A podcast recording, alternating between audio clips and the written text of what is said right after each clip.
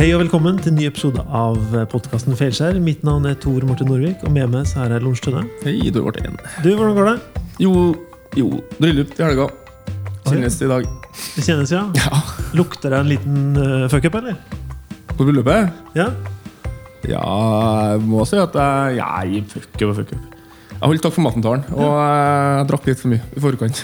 Så jeg mista den røde tråden. Så jeg må liksom, eh, skulle ha hørt den den podkasten med å Helle på forhånd. Det der med å huske på alltid å ha gode forberedelser. Jeg var forberedt da, i hodet mitt, men jeg datt ut litt. Så det var, ja, men det var, ja, det var ikke skade som skjedde. Jeg fikk, skulle gjerne bare avslutta middagen litt bedre. Jeg følte jeg selv, liksom. Men utover det, kvelden var Eller det fikk jo en umiddelbar sånn, dårlig følelse etterpå. Fordelen med å få det er at du må drikke den bort. den følelsen da. Ja. Og det kjenner jeg i dag. Så det, ja. Men du er gjennomført? Det gikk bra. Ja, ja, alt var greit. Alt var greit. Ja, herregud. Det er det viktigste. Vi eh, har jo Snorre Busch å takke for at vi har eh, lyd. Han er der og skrur lyden for oss og sørger for at det høres fint ut. Så det er kjempefint. Det er veldig bra. Vi har jo starta med å introdusere én fuckup, og det er jo fint, det. For det her er jo podkasten for å prate om fuckups. Men eh, jeg tror vi er eh, der igjen, da. Så slipper vi å prate så mye. Vi har med oss gjester som skal få lov til å snakke om sine fuckups. Og i dag, eh, Lorentz, Ja. så har vi med oss en som heter for Stig Ørnvald. Og han er en eh, forretningsutvikler. Han er medeier i Tileb Kapital, som vi snart skal få vite hva er for noe. Han har lang erfaring som IKT-gründer og investor. Jobber med oppfølging av inkubatorkunder, klyngearbeid, internasjonalisering og eh, finansiering. Så det er en munnfull der, altså. Det er, alt det her er nytt for meg, så vi kommer til å stille en del spørsmål. Bra. Han er styreleder i Steinkjerfestivalen og har som mantra at man når mål gjennom samarbeid. Og det tenker jeg er en fin, eh, fin start. det. Ja. Gleder meg. Fint, det. Skal jeg begynne? Ja, kjør på. Velkommen til oss, Stig. Takk for det. Du, Tusen takk for at du ville ta deg tida og ta turen hit. Takk for at du ville ha meg. Du, hvem, eh, hvem er du? Hva gjør du for noe? Mm. Det er det vanligste spørsmålet jeg får. Så jeg skal prøve å svare kort på det. Eh, Jeg liker å jobbe med virksomheter som har høye ambisjoner, og som eh, trenger ulike ressurser for å nå de målene. Eh, Det blir veldig fort gründere man jobber med. Og da er det jo en gave å få lov til å jobbe med gründere. Det er liksom passionate folk, og de vil framover. Og så er det å prøve å være til hjelp, som jeg bruker å si. Men når du er Tileb eh, Capital, har jeg forstått det riktig at dere hjelper startups med en måte, enten med rådgivning eller finansiering? eller Ja. Setter de sammen med andre altså, lignende startups og får de til å jobbe sammen? Kan ta, prøve å ta en veldig kjapp uh, reise her, da, som egentlig starter med T-Lab, som er en inkubator. Såkalt Siva-inkubator. Har hovedkontor på Steinkjer. Ledes av Håvard Belbo. Eh, Jeg har jobba med dem i mange år. Og, og en av de første tingene som skjedde når Håvard ble daglig leder, ble at eh, vi rigga et investeringsfond som heter Tidligfasefondet. Det skal investere tidlig. Det er derfor navnet også.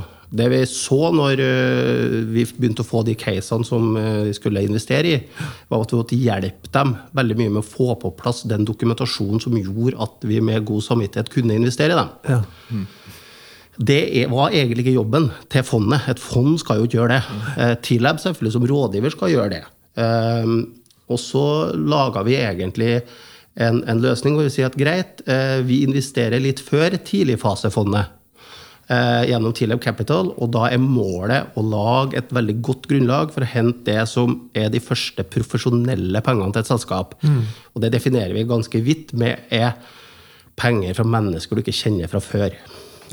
Ja. Ja, for Jeg har hørt masse sånne eksempler med at de første pengene er venner og familie og naboer. Ja. og så videre, og så videre. Ja. Riktig. Det er smart. Mm. Hva det, ga det mening? ja, det er det. Men hva er da forskjellen på dere og Innovasjon Norge? Å oh, ja, det er kjempeforskjell. Å, så fint å ha en sånn som deg.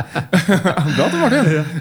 Var det et bra spørsmål? Ja, det var veldig bra spørsmål. Men, men, men det, er det er heldigvis overlapp. da, så Vi jobber jo selvfølgelig mye med Innovasjon Norge, men de har jo mange forskjellige tilbud. og skal ikke gå gjennom alt dem, Men på, på finansieringssida så er det stort sett tilskudd eller lån. Og, og nå har jo Innovasjon Norge de siste årene dreid seg mer imot å gi lån. og Mye større rammer på lån. Men det krever også som regel egenkapitalfinansiering, altså at noen investerer samtidig.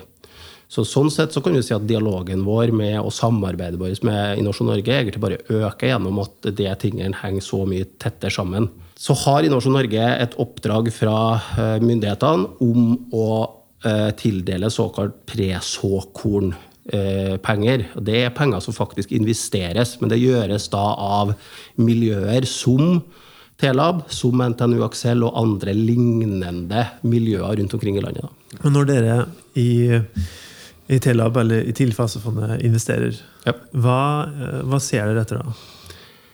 Det vi ser etter, er jo eh, bedrifter, eller altså grunnlaget for at noe som kan bli en bedrift, da, eh, som har eh, vekstpotensial, mm.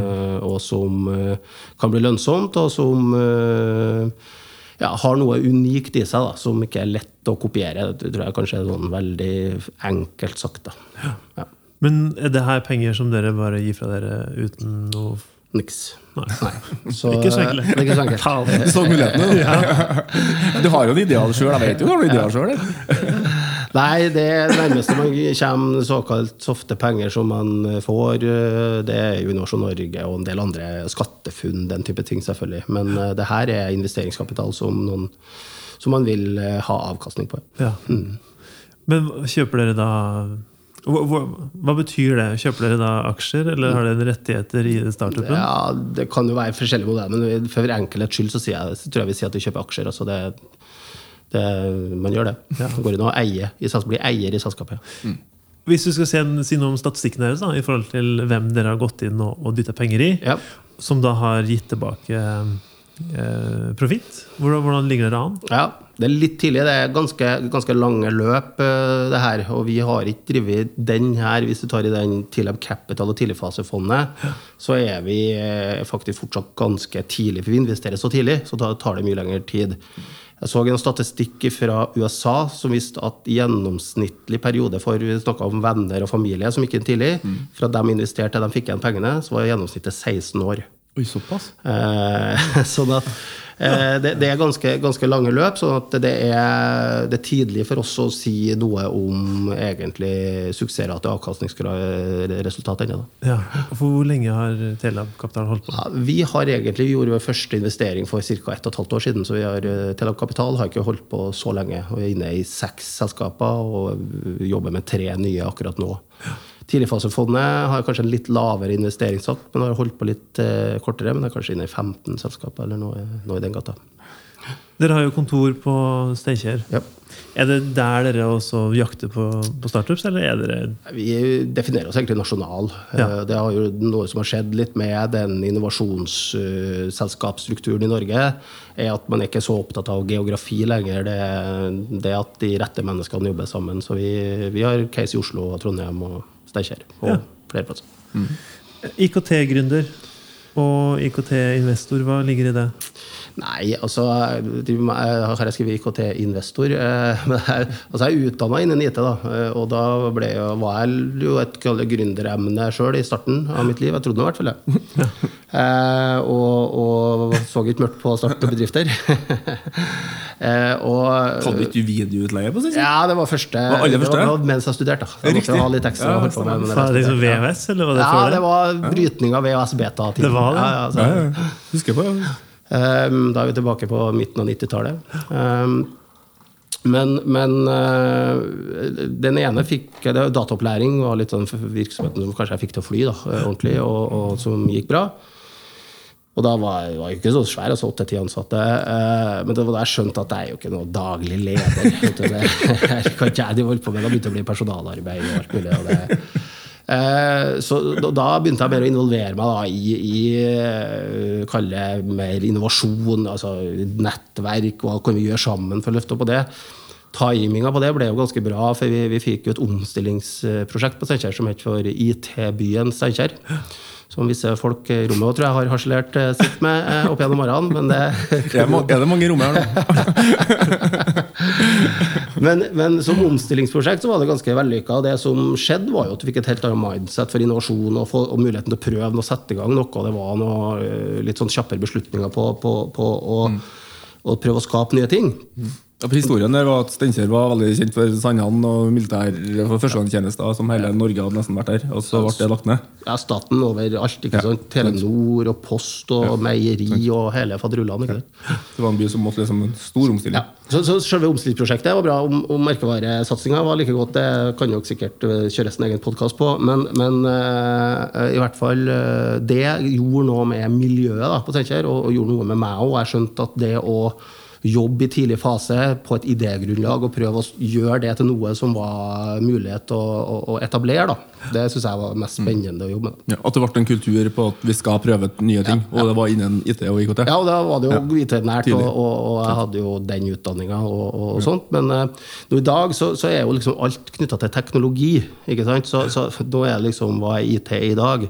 Men, men vi, vi ønsker nok gjerne at det er noe teknologiorientert i bunnen. Ja. Eh, Det, er ikke, det er ikke en tradisjon altså Det er jo det begrepet skalerbarhet. Da, ikke sant? Og da får du teknologien inn uansett. Det er ikke en butikk eller noe sånt som man, man, man snakker med oss om å, å etablere og få penger til. Eh, Det er det andre måter å gjøre ting på. eh, Og, og derfor så blir teknologi viktig. Da.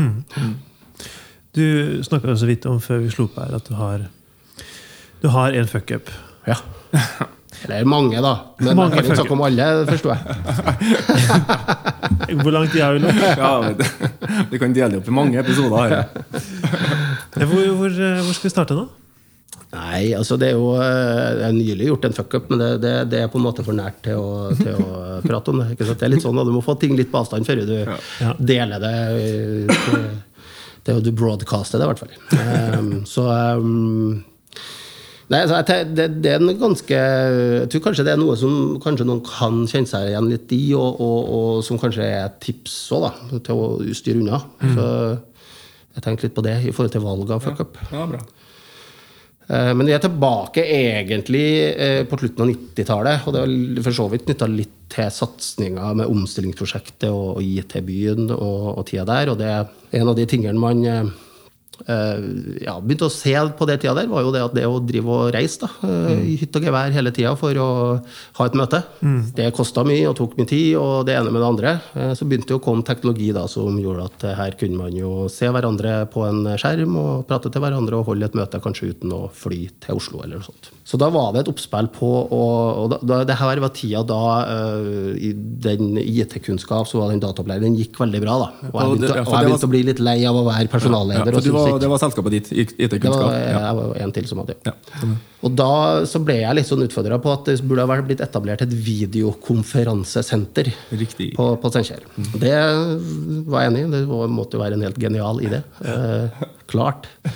Vi helt fra Steinkjer til her, det er langt til Værnes, og det er ikke, måte på. Men på slutten av eh, har, har Skype kommet, da? Nei, Skype har nok ikke, har ikke kommet. Eh, Så vi er der at det er liksom telekomindustrien som for så vidt da eh, pusher, pusher teknologi for å, nye måter å koble seg opp og prate på, da, for å si det sånn. Og, og Tandberg og ikke sant, hele den der gjengen der. da, Så var det kvalitet på det. Uh, Så jeg ble liksom bedt om å etablere et selskap og skaffe kapital til det der og, og sette i gang det greia der. Og som sagt, så jeg ikke mørkt på noen ting på det tida, for det gikk jo bra med IT-kunnskap. og jeg trodde jo, Poenget er at du, når du lykkes med noe, noe av det første du lykkes med, da, da tror du du får til alt, egentlig. Det er det som er noe av læringa i det. da. Ja.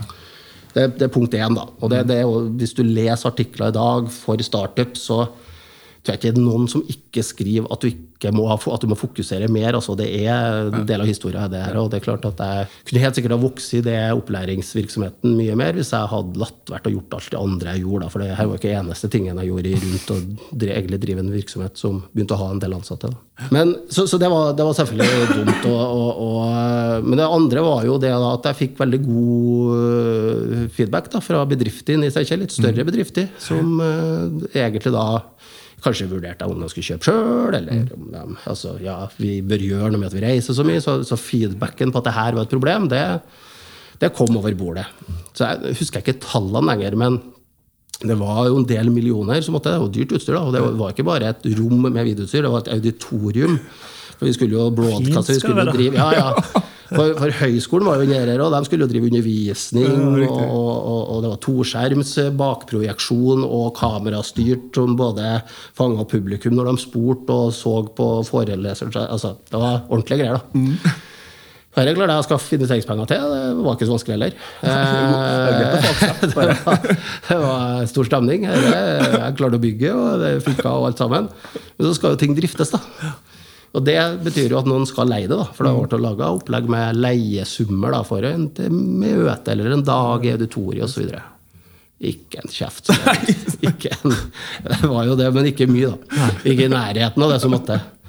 Og, og, og de som investerte, det var eierne mine. ikke sant? De hadde investert. Og ja, hvorfor bruker ikke dere det? Nei, det skjønner jeg. Så var det noen som begynte å kjøpe sjøl isteden. Ja, ja, Så var det ansatte som ikke syntes det var så gøy med det likevel. Og så måtte de ut av huset. Da. De hadde jo ikke innhus, de måtte jo over gata eller ned veien for å bruke det. Så det gikk jo rett til helvete. der, Altså det Kanskje ansatte, å kanskje ansatte syntes det var litt greit å ha en tur til Oslo innimellom? ja, så var det kanskje litt undervurdert, den type effekter av noe. Så, sånn at eh, det, det ble solgt til høyskolen, så det, det er jo faktisk i drift en dag i dag. da. Så fikk en exit? Kjørte en exit, eller? Ja, det ble en dårlig exit. Da, men landa på en måte Banken på en måte fikk vel betalt lånet sitt gjennom det. eller noe sånt, tror jeg. Og, og jeg tror egentlig jeg har levert inn eh, i den prosessen der selskapet til skifteretten. Og det var jo ikke insolvent, da, for det hadde jo bra balanse, for det hadde jo kjøpt masse utstyr. som... eh, så, men så ringte de da, fra skifteretten og sa at det her selskapet er jo ikke konkurs. Og så sa jeg bare hva vil du at jeg skal betale huseieren eh, husleie med? Ja. En prosjektor eller hva? Greit, sa han bare. Så, Nei, så det var jo eh, Det var jo læring i Og det går Andre læringer enn at jeg ikke hadde fokus, selvfølgelig. Så kan jeg jo fått det til hvis jeg hadde vært eh, ordentlig gründer, gründer av det. Så de som satte i gang det prosjektet, her burde ha sett at Stig driver to-tre selskaper for før. han. Hvorfor i all verden skal, vi få, skal han få til å utvikle det selskapet? der? Det burde de ha stilt seg spørsmålet. da. Og jeg burde ha gjort det i forhold til min egen hverdag. Det andre er at det er forskjell på å få noen til å investere i det du vil lage, og få noen til å være kunde. Det er to helt forskjellige deler av å utvikle virksomheten din. Da. Jeg trodde jeg hadde fått kunder. Med at du fikk investeringer. ja. hadde jeg jo da. Når, eh, når stor bedrift går inn på eiersida, så kommer de til å bli en stor bruker om kunder sant? Ja. Det var min naivitet da i hvert fall, så var jeg jo helt sikker på det. Så jeg ble jo litt sjokkert når bestillingene på en måte uteble. Jeg trodde jeg skulle bare sitte og ta imot bestillinger.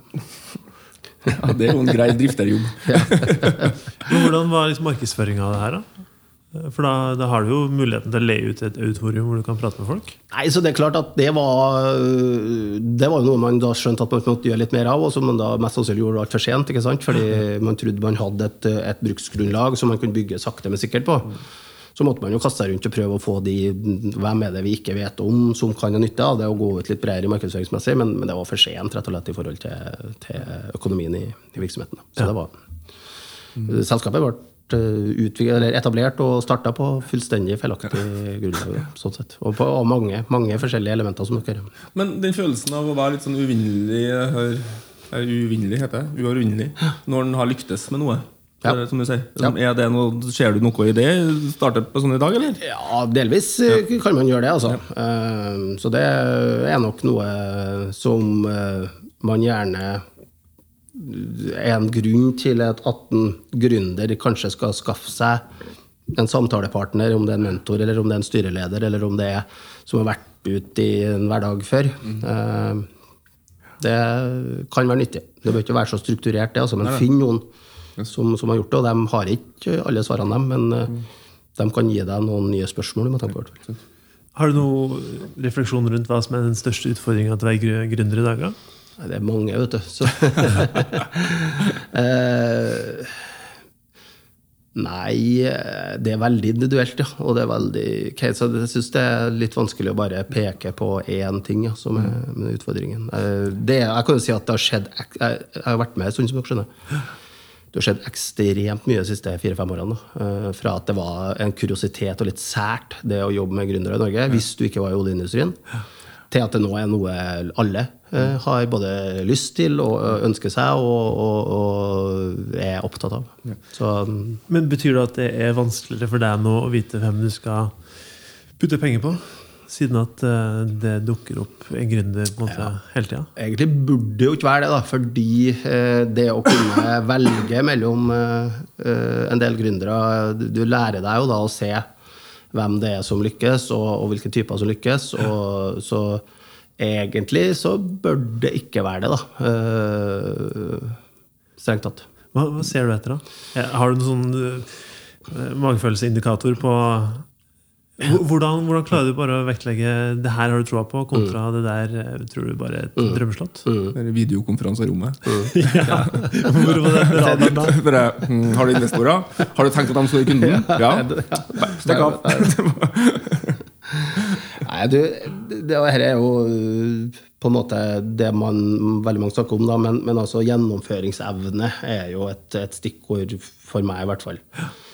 Og, det, og da, er liksom, da er det bedre å gjøre uh, en del ting som du gjør feil òg, enn å, å passe på at alt du gjør, er rett. Mm. Så, så det med å ha et høyt aktivitetsnivå og, og holde framdrift, da, det, det er alfa og mega. Og dette på en måte tenderer selvfølgelig inn i teamspørsmålet. Da. Det, det snakkes veldig mye om team når det gjelder å, å, hvem man tror skal lykkes da, i et eh, så I hvert fall som en gründer fra Norge.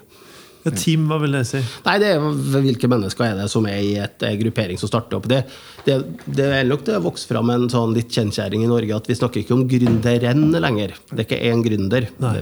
Selvfølgelig har vi det i mange sammenhenger, men man ser gjerne at det er to til tre personer som har gått sammen og sagt at vi har en felles ambisjon om å nå et eller annet sted. Da. Har du vært med på å gründe noe, da? Eller noen hvor det har gått skikkelig til skogen? Ja, så det var jo litt Jeg gründa jo mest i tidlig fase, før jeg skjønte at jeg egentlig ikke var gründeren. Jeg ville heller jobbe med gründere og mennesker som ville skape noe, og, og, understøtte dem, eh, i stedet for å være gründeren sjøl. Men, men det, i akkurat i samme tida hvor det var en sånn, På den tida så var det jo private, små databutikker ikke sant, på slutten av 90-tallet fortsatt, som, som eh, ja, Det kom inn en fyr og ville ha kjøpt seg en PC. da, Det hadde jo brukbare marginer på. Nå i dag eh, er det Elkjøp som selger det her, og de tjener jo ingenting på PC-en, så de må jo selge serviceavtaler hvis de mente at de skal ha noe margin på, på PC-en sin. Den gangen var det marginer på å selge en PC. Og så gikk det ikke så bra med den lokale butikken på Steinkjer, og vi kjente jo de folkene, og så var det klart, det klart vi kunne drive databutikk, det var ikke noe problem det. Og han som var litt sånn selgeren i det butikken, han ansatte vi til daglig leder i butikken. og ja, var innom en par-tre ganger i uka, kanskje, sånt, og da, da skjønte jeg jo etter hvert at jeg fikk høre historier om når noen hadde kommet inn og sett på og spurt om eh, informasjon om noe av det vi hadde, når de hadde diskutert hva de hadde lyst til, eh, når de hadde gitt dem et tilbud, når de hadde solgt, og når de hadde fått pengene på kontoen. Men Jeg sa liksom ikke hvem det var, så for meg hørtes det der ut som fem salg, men så var det egentlig ett salg. da, så Han var veldig god til å fortelle meg hele tida hvor godt aktivitetsnivå det var. Og så var jo da en femtedel av omsetninga vi begynte å regne opp. Da, på, så det gikk fryktelig fort til helvete med konkurs. da. Men den mentaliteten din, at eh, nei, vi har ikke drevet en databutikk før, men det kan vi. Ja. Jeg var jo IT-utdanna, så jeg hadde jo drevet med dataopplæring. Og hadde jo til og med skrudd sammen en PC sjøl. Er det litt sånn uh, gründermentaliteten? At uh, det, her, det her får man til? Ja, det er klart at noe av det, og det, det er jo uh, vel noe av det man ser etter òg, at man ikke er redd, selvfølgelig. At, at du ikke er nødt til å ha dekning på alle flanker og, og, og en solid uh, plan på alt når du setter i gang. Så det er jo noe med det å være uredd. Ikke? Yes. Stemmer det? Og så har jeg, jeg hørt et uh, annet rykte, at du kanskje har vært i uh, Silicon Valley. Ja. Hva var det for en historie? Ja, den, da hopper vi sånn fort en uh, ja, ti år, i hvert fall. Sånn sett.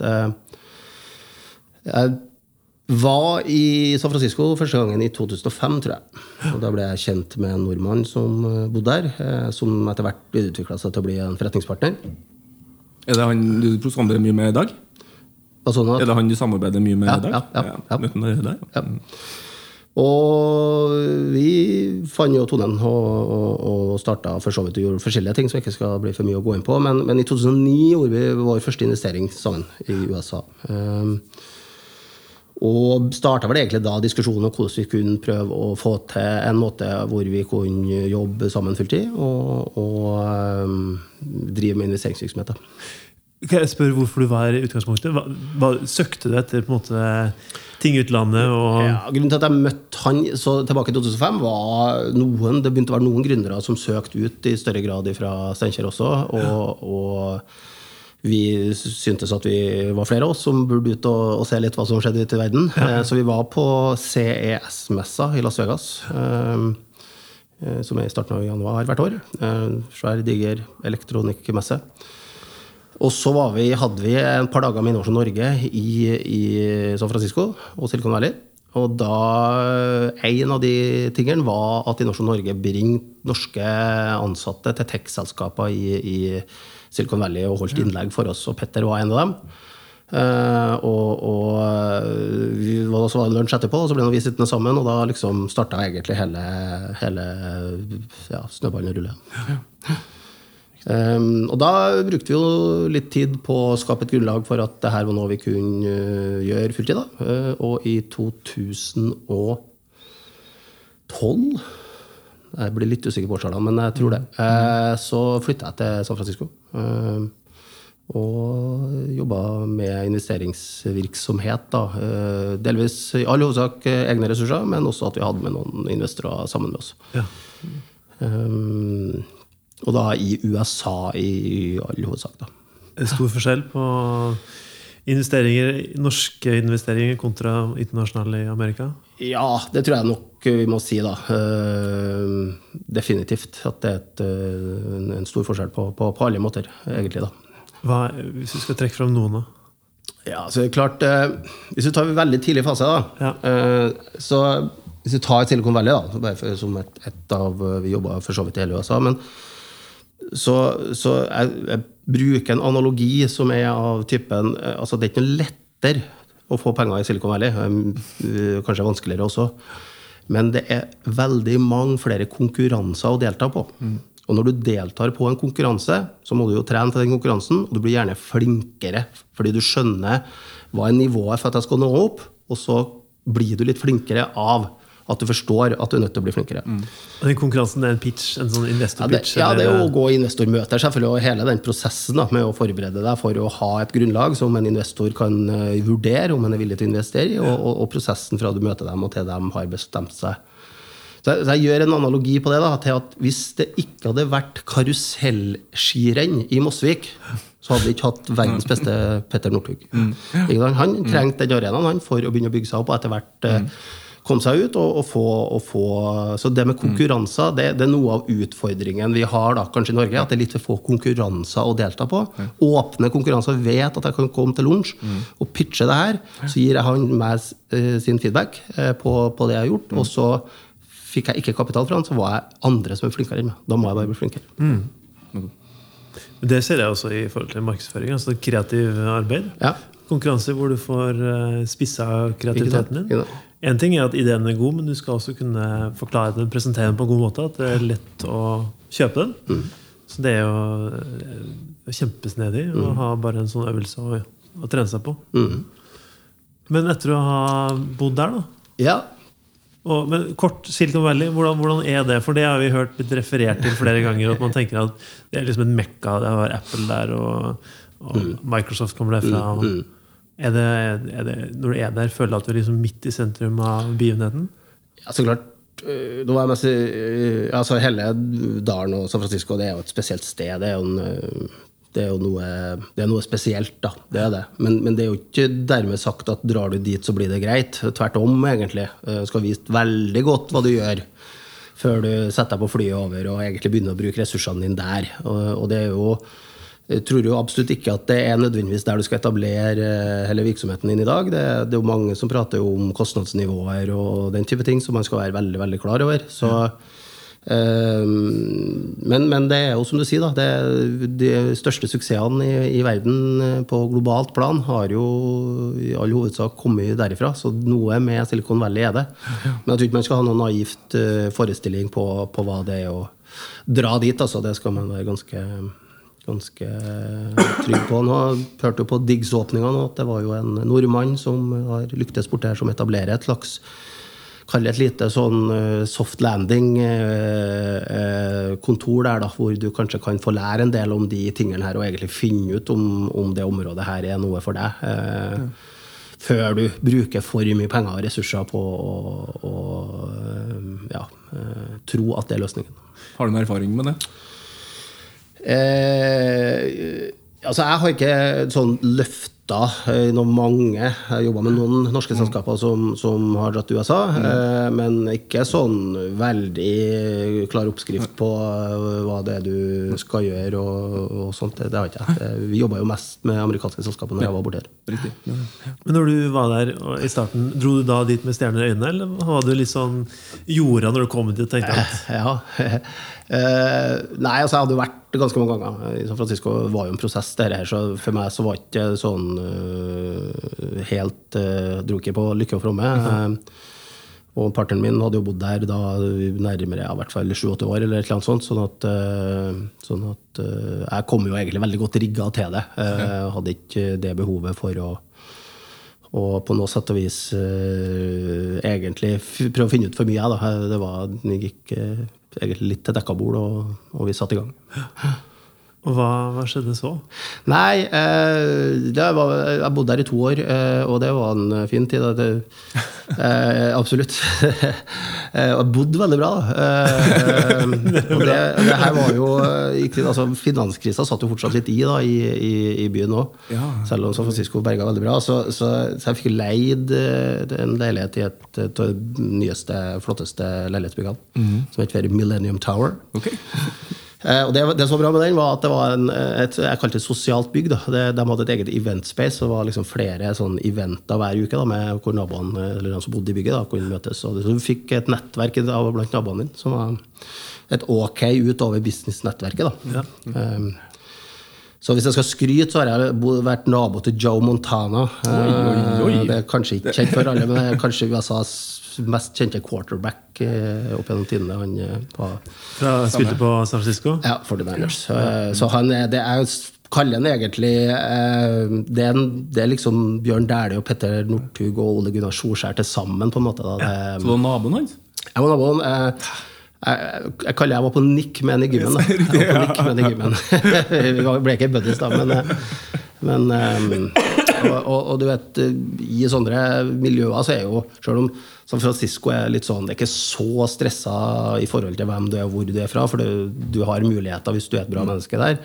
Så er det jo likevel litt det. Og jeg, jeg har aldri vært så opptatt av sånne ting, men jeg var ute med eh, venner, som, i- og vi traff noen, så, så ble jeg jo introdusert med This is Stig, he lives in a Millennium Tower. Ja, så jeg skjønte jo etter hvert at jeg hadde funnet en, en bra spot å bo, da. Um, men det, var, det var, gjorde en god del av min opplevelse de åra som var. Jeg trengte ikke å bruke altfor mye tid der heller, da. Jeg var litt heldig der, og jeg trengte ikke å liksom jakte et veldig sånn for å få Innpass i innpass utover det som var business-delen. Så, så, sånn sett så, så hadde jeg to fantastiske år i, i San Francisco. så- Og så er det noe med uh, at ting tar lengre tid enn det du tror. og og en del av de aktivitetene vi hadde lagt opp til, uh, gikk jo ikke helt som uh, planlagt. Og, og ergo ja, altså Enkelt sagt så bruker jeg å si at jeg, jeg trengte å tjene litt penger igjen. Eh, Og for meg var det på grunn at jeg har vært borte så kort. da. Eh, Så, så, så var det lettest å dra hjem til Norge og, og, og tjene litt penger. Og så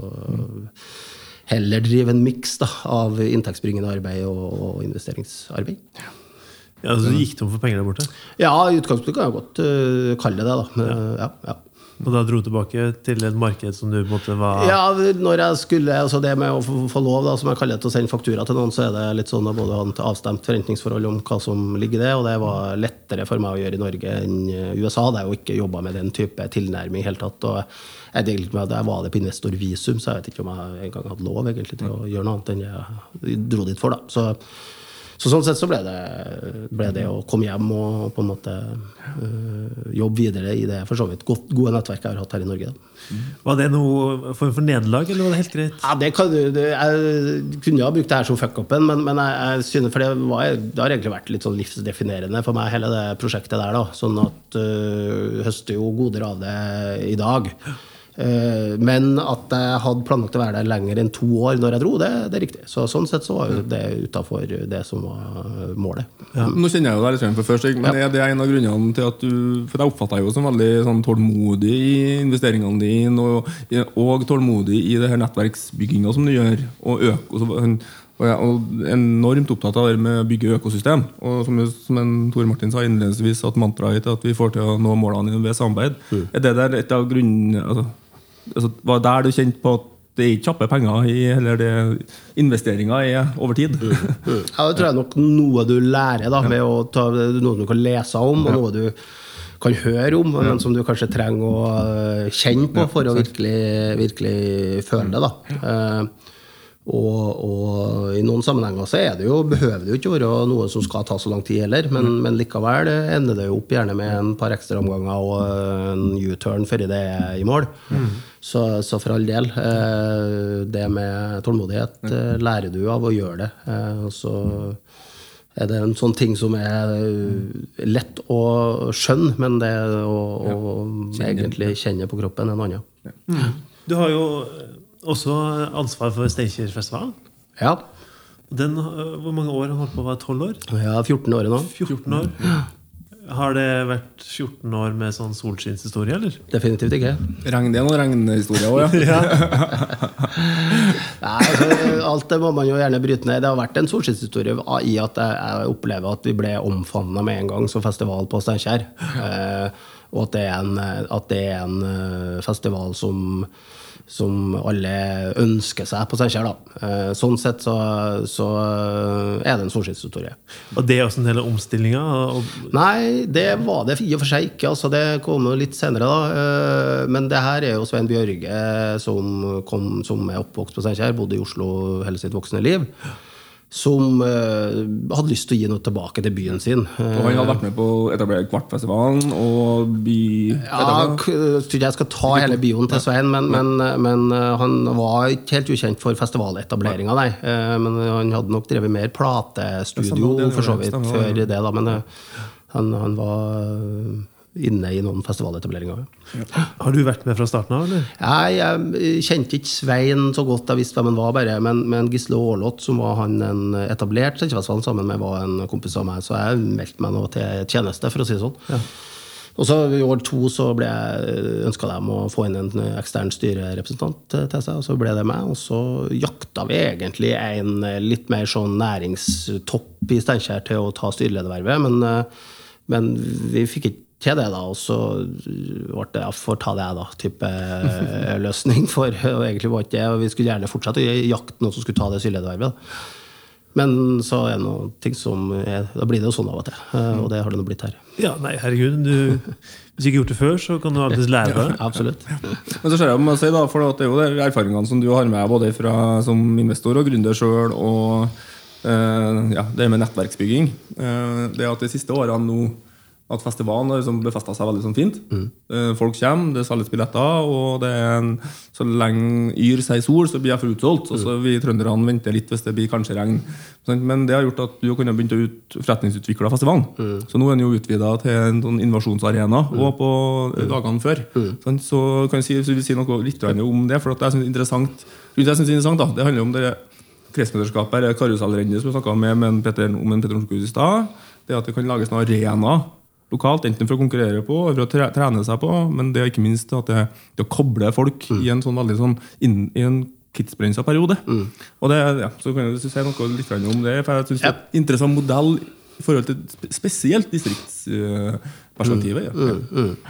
Det er klart, det som øh, ikke er Grunnen til at jeg sa til nei på Solskinnshistorie, er jo at det- er krevende økonomisk å få øh, egentlig opp en festival. Eh, Det tror jeg alle som har gjort det, kan bekrefte. Og, øh, så vi hadde jo vår nær døden-opplevelse vi etter noen år med et øh, en plussgrad og, og regnvær i slutten av juni. Eh, Når du må ha votter på for å ta en øl, så, så er det ikke like gøy på festival. Og da, vi, da, var vi, da var det akkord og hele den pakka der. Sånn at vi, vi har liksom vært gjennom hele den, eh, den runden der, vi òg, som er veldig vanskelig med, med festivaler. Da. Men så er det jo noe med stayerevne, det med å jobbe og ha kvalitet i det du gjør. Svein er jo egentlig kompromissløs på kvalitet når det gjelder artister. ikke sant? Så Man har jo lært seg det at det, når du går på konsert på Steinkjerfestivalen, så får du en bra Selv om du ikke har hørt om dem, så er det et bra band. Og det, det har på en måte publikum lært seg å satt veldig pris på. Og For det var, unnskyld, arbeidet, Ja, ja, det var, det var en, I Nord-Trøndelag så var det en kultur på det at folk syns, vi syntes det var dyrt å betale en fest, hel festivalpass for å høre det ene bandet som jeg egentlig ville høre. Men det ble, gjort ble liksom tvingt til å Ja. betale det og begynne å komme klokka fire. Ja.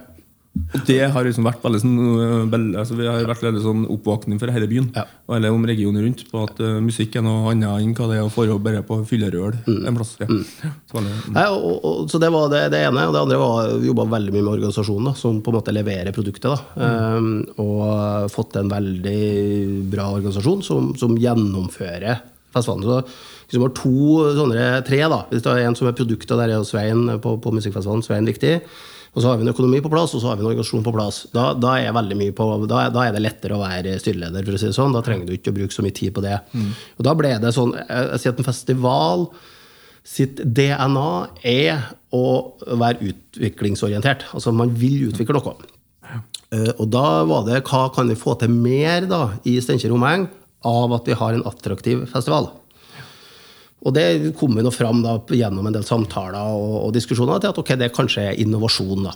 Eh, Så nå det er et bredt og stort og svært eh, ord, men det er noe mange kan favne også. da. Det er noe med bygda og distriktet. da. Du er nødt til å favne mange forskjellige interesser. I Trondheim kan du spisse deg litt, det kan du egentlig ikke på Steinkjer i sånne sammenhenger. Og da, da er det jo som eh, Det det var jo ikke noe sånn helt åpenbart hvordan det skal være. så det er jo det å begynne å trekke noen tråder og få noen til å snakkes og prøve å gjøre noe og, og, og, og lage noe. Og nå har jo det endt opp med at eh, i fjor hadde vi 18 eh, arrangementer festivaluka. I år er det tatt det litt ned, så vi har 14 arrangementer. Smått og stort. På ulike innfallsvinkler rundt innovasjon. Da. Så deriblant er det kommet opp noe en ny konferanse, Agritech-konferansen, ja. Ja. Nordic, som er som et utspill, ut, altså et, som en konsekvens av den arenaen der. Ja, ja. Som nå samler folk fra hele, ja, fra hele Europa, eller iallfall fra Norden. Ja da. Som da, om landbruk og altså, Det er hav og øh, skog og, og øh, landbruksteknologi hovedsakelig som er da tema. Presisjonsteknikk er landbruk mye. Ja da, altså det er jo alle all teknologi som kan på en måte utvikle de næringene. Da. Også er det som noen syns er fryktelig vanskelig, men som de også syns er fryktelig spennende, det er at vi prøver å koble både hav, skog og landbruk inn i det her. Da. Eh, At det ikke er bare det ene og det andre. Det er selvfølgelig to veldig forskjellige kulturer i de to næringene der, men de er også nysgjerrige på hverandre. Og det er egentlig ingen som har tatt den posisjonen på å prøve å bringe dem sammen. Og det er noe, et forsøk vi gjør her. Hva er veien videre for deg, da? Ja, altså Det er Jeg har ikke sånn veldig sånn klare, klare ambisjoner for, for meg sjøl, egentlig. Eh, Det som jeg bruker til å evaluere om jeg beveger meg i rett retning, er å se meg litt tilbake. Så hvis jeg ser meg tre år eh, tilbake, har jeg liksom utvikla meg Syns jeg har utvikla meg noe? Har jeg kommet noe framover? Er det framdrift i det jeg gjør?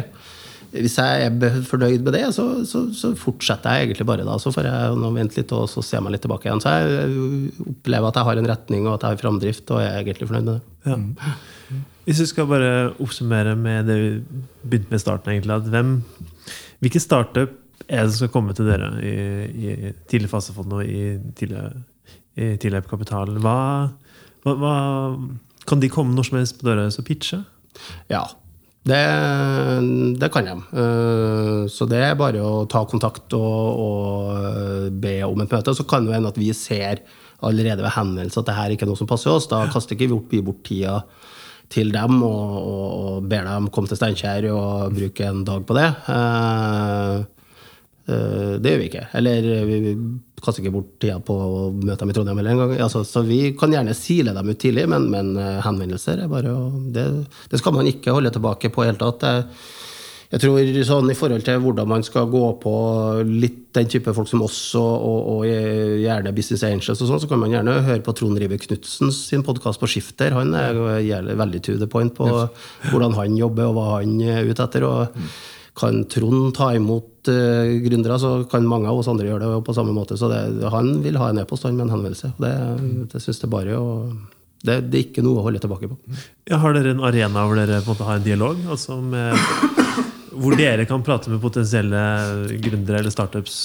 Ja, det er klart at det er også en del av arbeidet. Det er jo like mye å ut og, og finne dem som det er å sitte og Vi har ikke noen strategi på å sitte og vente på noen. Si det. Vi vil møte dem på ulike arenaer. Så det er alt ifra at vi Telab har en egen pitchekonkurranse på entreprenørskolen for fjerdeårsstudenter. Når de har holdt på et halvt års tid der, så har jo de kommet og har et case de skal jobbe med. Og da, da har vi en egen pitchekonkurranse for dem der. Så der vi, kommer vi tidlig i dialog med talentene på entreprenørskolen. Eh, så er vi med i Angel Challenge, vi er med i ulike andre Oslo Innovation Week er jo egen arena. Oslo Innovation Week har vi vært på de siste årene. Vi syns mm. det er en bra, helt på å bli en bra nasjonal arena for å mm. samle krefter. Eh, NTNU Aksel er jo en del av det? Ja da, vi samarbeider jo med dem. Og, og nå har du fått Diggs da, i Trondheim, som vil være, jeg tror kommer til å bli en kjempefin arena. Det handler om å, å, å effektivt ja, eh, finne ut og det med å for oss òg, vi, vi, er ikke så interessert i å jobbe med noen som ikke har lyst til å jobbe med oss. og Det, det er det nærmeste vi kommer egentlig reell dating. Altså. Det er fordi Hvis ikke begge parter har lyst til det her, så, så blir det ikke noe bra.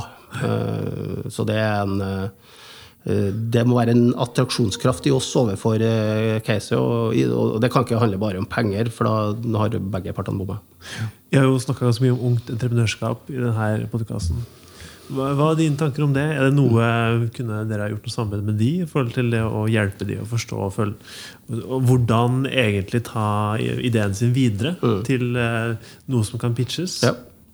Nå er jo for så vidt eh, Håvard Belbo i Tillab styreleder i Ungt Entreprenørskap Trøndelag, så vi prøver nok å gi noe av det tankegodset her videre. og, og Uh, vi er, jeg tror det er veldig rett Eh, kall det grunnaktivitet i Norge. Svenskene har jo gjort det her lenge og, og ser jo effekter av det. Mm. Um, uh, så, så, det er et helt åpenbart tilbud som Norge må ha. Mm. Men det er det er infrastrukturelt i min tode. Det, er, det er grunn det som barneidrett er. Du er nødt til å legge godt til rette til barneidrett for at vi skal få eh, landslagsstjerner. Så, så der er sånn karuseller inne til Mosvika? Ja, absolutt. absolutt. Så, men jeg tror ikke skal, du, man må passe på at man ikke blir der òg, som i idretten. Man må ikke bli for, må, Leken må ikke forsvinne, og du må ikke bli redd for det neste steget. Så det er noe naturlig løp der òg.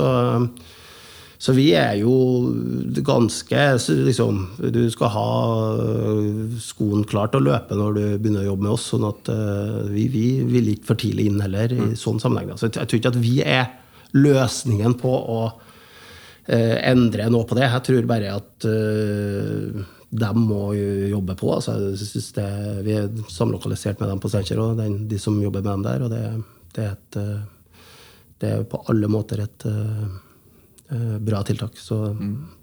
ja. ja, lunsj. Hva, hvis du skal oppsummere denne praten her, hva, hva, har du lært noe? Ja, jeg vet ikke om jeg har lært noe nytt. For jeg kjenner, som dere har forstått, da, kanskje så kjenner jeg jo Stig eh, fra før. Eh, men jeg har lyst til å kanskje trekke fram enda mer. Dere, for jeg syns det er interessant å høre den hele reisa fra altså VHS-utleie til Silicon Valley, og det med å kjenne på kroppen at ting tar litt tid, osv. Og, så videre, og, så og så inni her så er det noe nå har jeg jo kjent litt på kroppen sjøl. Den arenaen som vi snakka om om Steinkjerfestival og gründerskap, for jeg har jo litt sånn vært i sånn randsonen til T-lab-systemet noen ganger òg. Men det å tørre å bruke da og metodifisere noe innen innovasjon og utvikling rundt et kulturarrangement som en festival. Det å se på kultur og, synes Stig sa det så fint, eh, I festivalens DNA så ligger utvikling. Og det ligger det òg i nyskapning, og det ligger det òg i, da, i gründermiljøene. Så det å se de to tingene der sammen, det tror jeg er en veldig sånn fin eh, eh, sånn miks av en kobling. Eh, og så, for at det er òg en arena veldig etablerte selskap og store selskap og kan melde seg på inni igjen inni her. Da. Så jeg tror det er, sånn, det er kanskje det viktigste sånn, lærdommen som jeg har hatt i forhold til det å lage arenaer. For der er det òg rom for feiling og prøving i de arenaene der. da. Mm. Og det syns jeg er en sånn veldig sånn fin, eh, fin, eh, fin, sak. Mm. Og så syns jeg det var artig å høre han snakke om eh, hvordan at han bodde fint i Silicon Valley. Altså, det var så høy husleie at derfor måtte han hjem. det var bra. Ja, herlig. Enn du? Eh, Jeg syns det er gøy å vite at det er så mye virksomhet på, på Steinkjer. Jeg er jo fra Nord-Trøndelag og er litt sånn, men bodd såpass eh, kort tid her til å skjønne, i hvert fall i voksen alder, at det er såpass mye som faktisk foregår her. Man blir liksom blind og tenker at nei, alt foregår i Oslo. Nei, alt foregår liksom i utlandet. Men det at det er faktisk så mye næringsvirksomhet, og som gjelder liksom startup og villigheten til å, å støtte, det er jo kjempestilig. Og det at man eh, tar denne Steinkjerfestivalen og ser om man kan utvikle den til en slags innovasjonsfestival. Sånn som Øya. Jeg tror ikke Øya har utvikla seg så mye i løpet av de siste åra. Det er jo fort, først og fremst bare en festival. Så det vitner jo om at det fins jo på en måte det er ganske høy grad av innovasjonsvilje i eh, Midt-Norge, og det er ganske tøft. altså. Så vet jeg at han er også med i IA Science, styret der. Og det er jo AI-huset her i Ja, ja. Trondheim. driver med Artificial Intelligence. Og bare det Det er mye kult som skjer, da. Og det er mm, en sånn vilje til å ja, hele tida kanskje være, ha fremdrift, da. Og prøve å liksom søke etter det nye og det neste.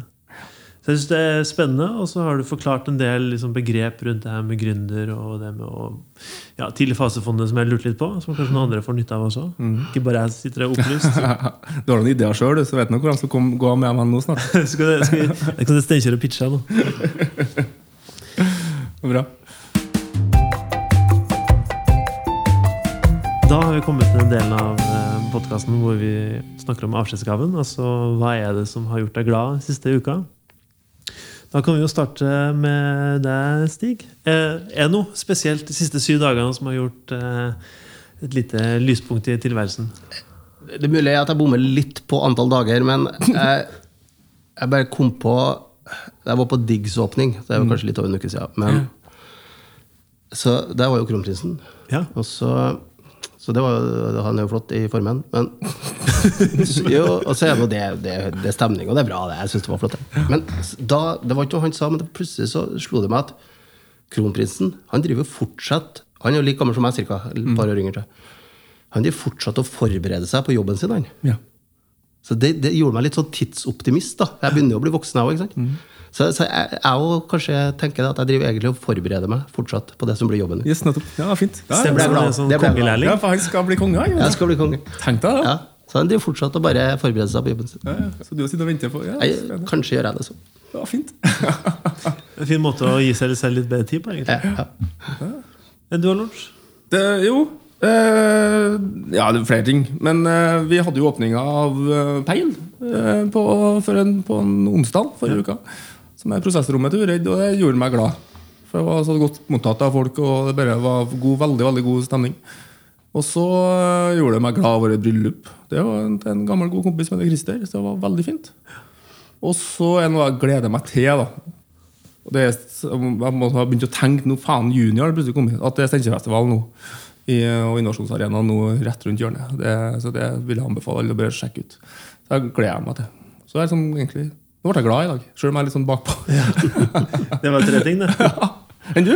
Eh, jo, eh, vet du hva? I går eh, så var vi på Voll gård. og Det er en sånn besøksgård 4H, som drifta 4H her i Trondheim. Og eh, Jeg kommer fra Ytterøya, så jeg kommer fra en gård. Eh, men nå bor vi jo her på Tiller, og da er det jo ikke så mye gård og dyr i nærheten. Så da er det fint å ha en sånn besøksgård. Og i går så kunne vi dra ut og mate geit. Geit, geiter. Geiter i flertall. På ditt første møte med at det går an å ha annet enn hva kylling på en gård? eller? Ja, vi hadde ikke kylling. vi. Ytre- ja, Ytrekylling? Jeg, eh, ikke, vi hadde alt annet enn Ja, kylling. riktig. dere er nok. Ja, vi var, vi var de spes- raringene. vi. Men der eh, også hadde de griseslipp, så det var smågriser. Og, nei, det var bare kjempekoselig. Så det at det fins bare sånne åpne og gårdstun som man kan ta med ungene på, Yes. det er jo kjempe, kjempefint. Og så skal jeg, jeg skal faktisk på Steinkjerfestival i år. Ja, vi skal. Så det er bare å ta turen dit. Jeg tror det er, det er et ganske bra slipp av artister, har jeg skjønt. Ja. Så gleder jeg. Det. Tusen takk dere som har lytta på oss så, så langt. Og til deg Jens Stig, takk for at du ville være med. Hvor er det vi kan følge deg på nett hvis vi skal inn og lese? Ja. Eh, nei, jeg jobber jo mye med Telab, så jeg ligger på telab.no sine hjemmesider. Så der går det an å få tak i kontaktinfo, i hvert fall. Eh, Så hvis man sitter med en eller annen startup-pitch i magen, kan man da liksom sende en mail eller slå på tråden? yes. Ja, men Så bra. Og neste uke så skal vi prate med Steinar Bjørlykke. Han er teknologisjef for NRK her i Midt-Norge. Så det kommer sikkert til å bli veldig interessant. Og for dere som hører på oss, hvis dere har lyst å dele en historie, så må dere bare sende en mail til feilskjær.uredd.no. Eller tips oss gjerne hvis det er noen dere mener har fryktelig mange fuckups som vi burde kontakte, så gjør vi det også. Jeg tror Steinar eh, sa dere her kan bli flaut, skrev han. Men han eh, skulle, han skulle kjøre på. Ja, men vi liker flaut. Trykk gjerne subscribe, så slipper du å laste ned hver, eh, hver uke. Og så gi oss en stjerne hvis du liker det du hører. Podkasten er produsert av Uredd og Lydsporet Media og kommer ut hver mandag. Så ha en fin dag. da.